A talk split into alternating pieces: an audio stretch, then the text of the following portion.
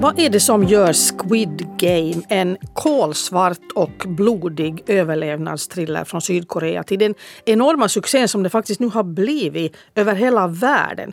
Det här ska vi förklara i nyhetspodden från svenska YLE i det här avsnittet. Jag heter Karin Götelid och jag har bjudit in Lasse Garoff som är kulturreporter på svenska YLE. Hej och välkommen! Hej! När hörde du första gången om Squid Game? Det var en sån här grej som alldeles plötsligt började dyka upp i en massa rubriker när jag läste nyheterna och som jag egentligen scrollade förbi för jag tänkte att, att det här är kanske nog ingenting som jag nu just nu behöver intressera mig för, men så blev det bara på något vis ett sånt större och större fenomen och plötsligt så var det överallt. Och min fru som är på Instagram, så hon började berätta att det började dyka upp en massa sådana innehåll där som mm. på något vis hänvisar till den här serien och en mm. massa sådana fraser och grejer som, och, och bilder som mm. anspelar på det här. Plötsligt så kändes det som att det här är kanske någonting jag borde ta mig en titt på. Mm. Jag hade precis samma känsla. Jag fick också den känslan att nu måste jag titta. Jag såg den på Netflix och så där men tänkte precis exakt samma för mig själv. Att kanske inte här är någonting för mig men jag tänkte att jag, nu blir jag tvungen att titta på det här. Och eh, ja, själva innehållet då. Eh, vad, vad, vad, tycker du om den, det som du har sett? Jag tycker den är en otroligt suggestiv serie. Mm. Verkligen en sån här kuslig dystopi som kommer jättenära på vår tid. Uh, och det, det, känns som att den egentligen inte alls ligger i framtiden, utan det är någonting som händer just nu. Mm. Um, och så det, helt i korthet så går den alltså ut på att 400 uh, djupt skuldsatta människor i, i, i, i Sydkorea då, uh, de lockas att delta i en sån där hemlig tävling mm. där de kan de tävlar mot varandra om att vinna en enorm pengasumma. Och det var de där insatserna, att de, de måste delta i sådana här mordiska versioner av sådana här barns lekar. Mm. Och så är det alltid hundratals deltagare som stryker med i varje omgång mm. av den här leken. Och de förs till någon sån hemlig um, plats där de, där de är inne i en sån här enorm sovsal med alla de andra deltagarna. Och på något vis målsättningen för dem alla är att de ska klara sig igenom sex omgångar av mm. det här spelet. Mm. Mm. Och, och, så finns det en sån speciell twist där att om, om äh, majoriteten röstar för att sluta, så då mm. kan de av, avbryta, men då får ingen några pengar. Mm. Mm. Nej, precis. För det är ju hela tiden de här pengarna som är den här enorma drivkraften, som säger de är skuldsatta. Och man ser till och med de här sedelhögarna där som liksom... Ja, de hänger i en sån där spa, genomskinlig spargris där högst uppe under ja. taket. Mm. Och den är sådär alltid när de börjar tveka så kommer den där spargrisen ner från taket ja. så bara blinkar den i ett ja. sånt gyllene ljus och sen så mm. rasslar det ner sådana ja. sedelbuntar och, och, så blir alla alldeles sådär trollbundna av det här. För alla de där deltagarna är ju faktiskt så skuldsatta att de har inga val.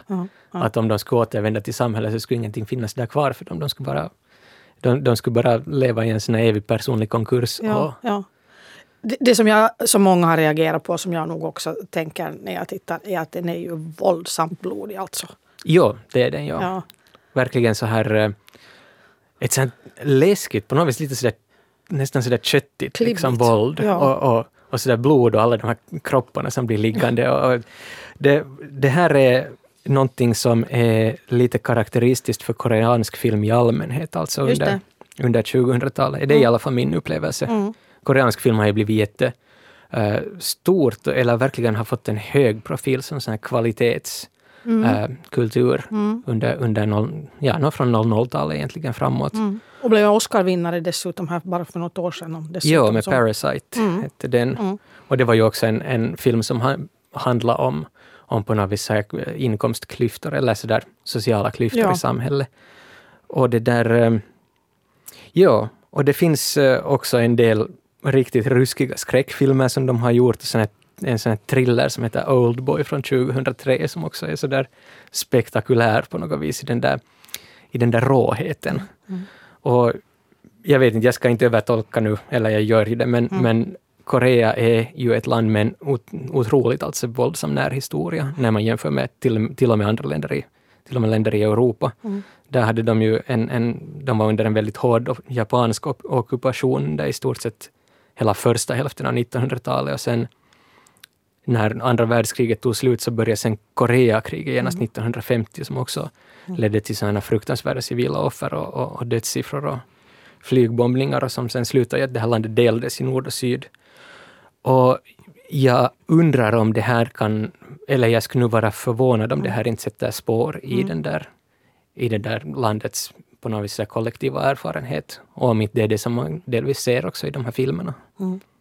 Men eh, ändå är den ju just sån nu att den tilltalar ju så otroligt många människor och jättemycket barn och unga också. Det är väl just det här kanske, tänker jag, att den, den här den går på så många lager. Den är liksom dels spännande men sen också så där som det just att det är ett spel verkligen och ett grymt spel. Men att den liksom finns på så många lager och den visar så många olika liksom aspekter på hela livet på något vis. Mm, ja, så det är visuellt på något vis jätteslående. Med mm. sådana lite sådär karamellfärgade miljöer med sådana arenor där var de tvingas delta i de där lekarna.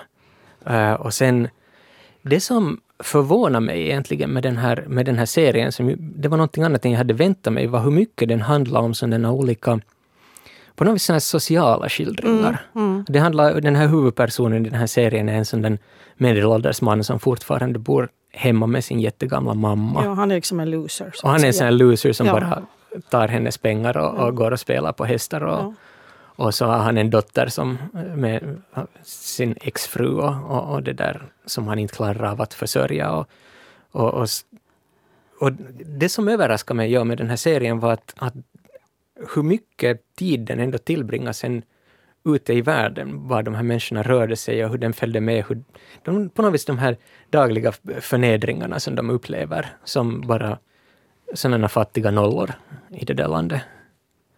Mm, mm. Och det är ju just precis det som den fångar ju jättebra den här tidsandan och tror jag, tror jag också dessutom att inte alls bara i Sydkorea utan, utan överlag tror jag att det är ganska många som kan på något vis känna beröringspunkter till livet nu på mm. något vis i all sin grymhet. Ja, och jag tror alltså faktiskt att i de här lekarna som de deltar i, alltså så, så är det där upplägget ofta så där alldeles fruktansvärt orättvist. Mm. Att det händer att de delas in i några sådana grupper och sen den ena gruppen så har i princip ingen chans och någon annan grupp har det mycket lättare. Och, och de tvingas göra sådana val i ett system som de ännu inte förstår och, och de förstår inte följderna av det här. Och för att på det viset återkomma till det här som att varför det här tilltalar barn och unga. Så, så jag tycker det är jättebeskrivande att just den här typen av den här skildringen får ett sånt gensvar hos unga, unga människor över hela världen. Och att tydligen så är det här så som många uppfattar att världen funkar. Att det är inte alls så där som, som man tänker sig som, jag vet inte, medelålders person som har ett fast jobb. Mm. Så, så är det lätt för mig att tänka mig att, ja, att om man sköter sig så är, och är duktig så kommer allting att ordna sig. Uh, och det är inte alls så som, så som unga människor uppfattar att världen funkar, utan snarare känns det som att det känns mera som att sådär kastas ut i ett sånt mordiskt lotteri där man måste välja en massa saker och, utan att veta vad det kan ha för följder i, i framtiden. Mm, mm. Och vi vet ju att stress bland barn och ungdomar är, är jättevanligt, både så där över världens tillstånd men, mm. men också över hur den egna framtiden kommer att gestalta mm, sig. Mm. Ja, precis. Att det är liksom ett, ett orättvist spel och där tänker jag att de senaste åren med, med världsomspännande pandemi har ju nog säkert också kanske förstärkt den här känslan av, av orättvisa. För att det var ju någonting som kom, bara kom över oss. Okej, man kunde förstås skydd, försöka skydda sig från smittan men själva den stora grejen den kom mm. bara pang bom utan att, vi, utan att vi kunde göra något åt saken. Så det har ju säkert gjort den här känslan ännu mer påtaglig. Ja, och det där sättet hur den här pandemin har slagit så otroligt olika mot, mm. beroende på vad ens så att säga lott i livet är. Att, eh, och det här är, är, är någonting som jag, som jag kollade upp lite här innan, alltså att det en orsak till att den här serien kanske skapades just i Korea, det är att det pågår en, en väldigt oroande skuldkris för hushållen där, som, som har förvärrats av pandemin. Alltså att det är ungefär en fjärdedel av landets arbetsföra befolkning som driver egna företag, mm. som, som små butiker och barer och, och restauranger. Och jämfört med Finland som har kanske 12-13 procent så är det ju dubbelt så mycket. Att det, är, det är jättemycket folk mm. som är på det viset egenföretagare. Och, och de upplever samma utsatthet som, som man förknippar med företagande här i Finland också. All mm. den, där, den där risken som man, måste, som man bär personligen. Och, mm. och den här pandemin har ju just drabbat en massa sådana restauranger och, och barer extremt hårt. Och det finns väldigt många väldigt sorgliga historier om, om folk som helt enkelt förlorar, har förlorat allting under den här pandemin. Och familjer som, som faller sönder och folk som blir hemlösa och, och människor som fastnar under just sådana väldiga berg av skulder som de aldrig kan betala av. Mm. Och, och, det är ju på något vis läskigt och, och, och talande samtidigt att under de här omständigheterna så kan det just kännas som en enklare utväg om man helt enkelt skulle få spel, delta i en sån här tävling med livet som insats, för då har man i alla fall en, en chans, mm. hur liten den än är. Det kanske folk inte upplever att de har annars. Mm. Och det är ju det som gör den här serien som till just den, här, den brutala på något vis dystopin som den är. Men, men jag tänkte på det hela den här liksom industrin med strömningstjänster den, den bara växer ju och växer ju. Nu har vi då en sån här super mega världsomfattande succé som Squid Game. Eh, vad blir nästa steg? Ja, säg det vad som blir nästa. Det undrar, det undrar nog många tror jag. Men, mm. det där, eh, men det som i alla fall de här streamingtjänsterna har visat, det som man kan säga är att alla de här konventionella sanningarna om vad man i åratal trodde att mainstream TV kunde vara, så alla de antagandena har visat sig helt, helt felaktiga. Mm.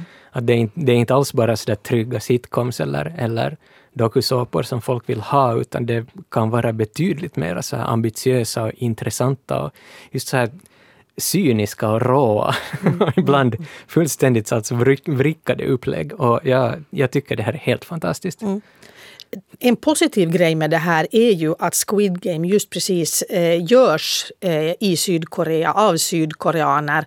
Och, och, det, blir ju, det blir ju en helt annorlunda upplevelse för oss här i väst. För att till exempel bara sättet att som skådespelarna agerar på är ju annorlunda och de, de är ganska så där dramatiska av ja. sig. Och så här. Så att, men det är ju också en grej förstås, en upplevelse för oss att se liksom att så här kan det också se ut. Jo, absolut. Ja. Och, och den där um jag vet inte, det är härligt att se de här på ett sätt vardagsskildringarna också från andra delar av världen och, och, och, och, på något vis det här livet för vanliga människor, men också just som du säger, det här det här, det här skådespelande som går så där över och att få på något vis en sån känsla också för den där särskilda humorn som finns i en helt annan kultur är, är också otroligt uppfriskande. Och det, det, tycker jag nog att det är fint att, att eh, man faktiskt får ta del av så mycket bredare och rikare innehåll från så många, så många andra delar av världen än annars. Tack för det här samtalet och den här analysen Lasse Garoff, kulturreporter på Svenska Yle. Det här var Nyhetspodden och jag heter Karin Götelid.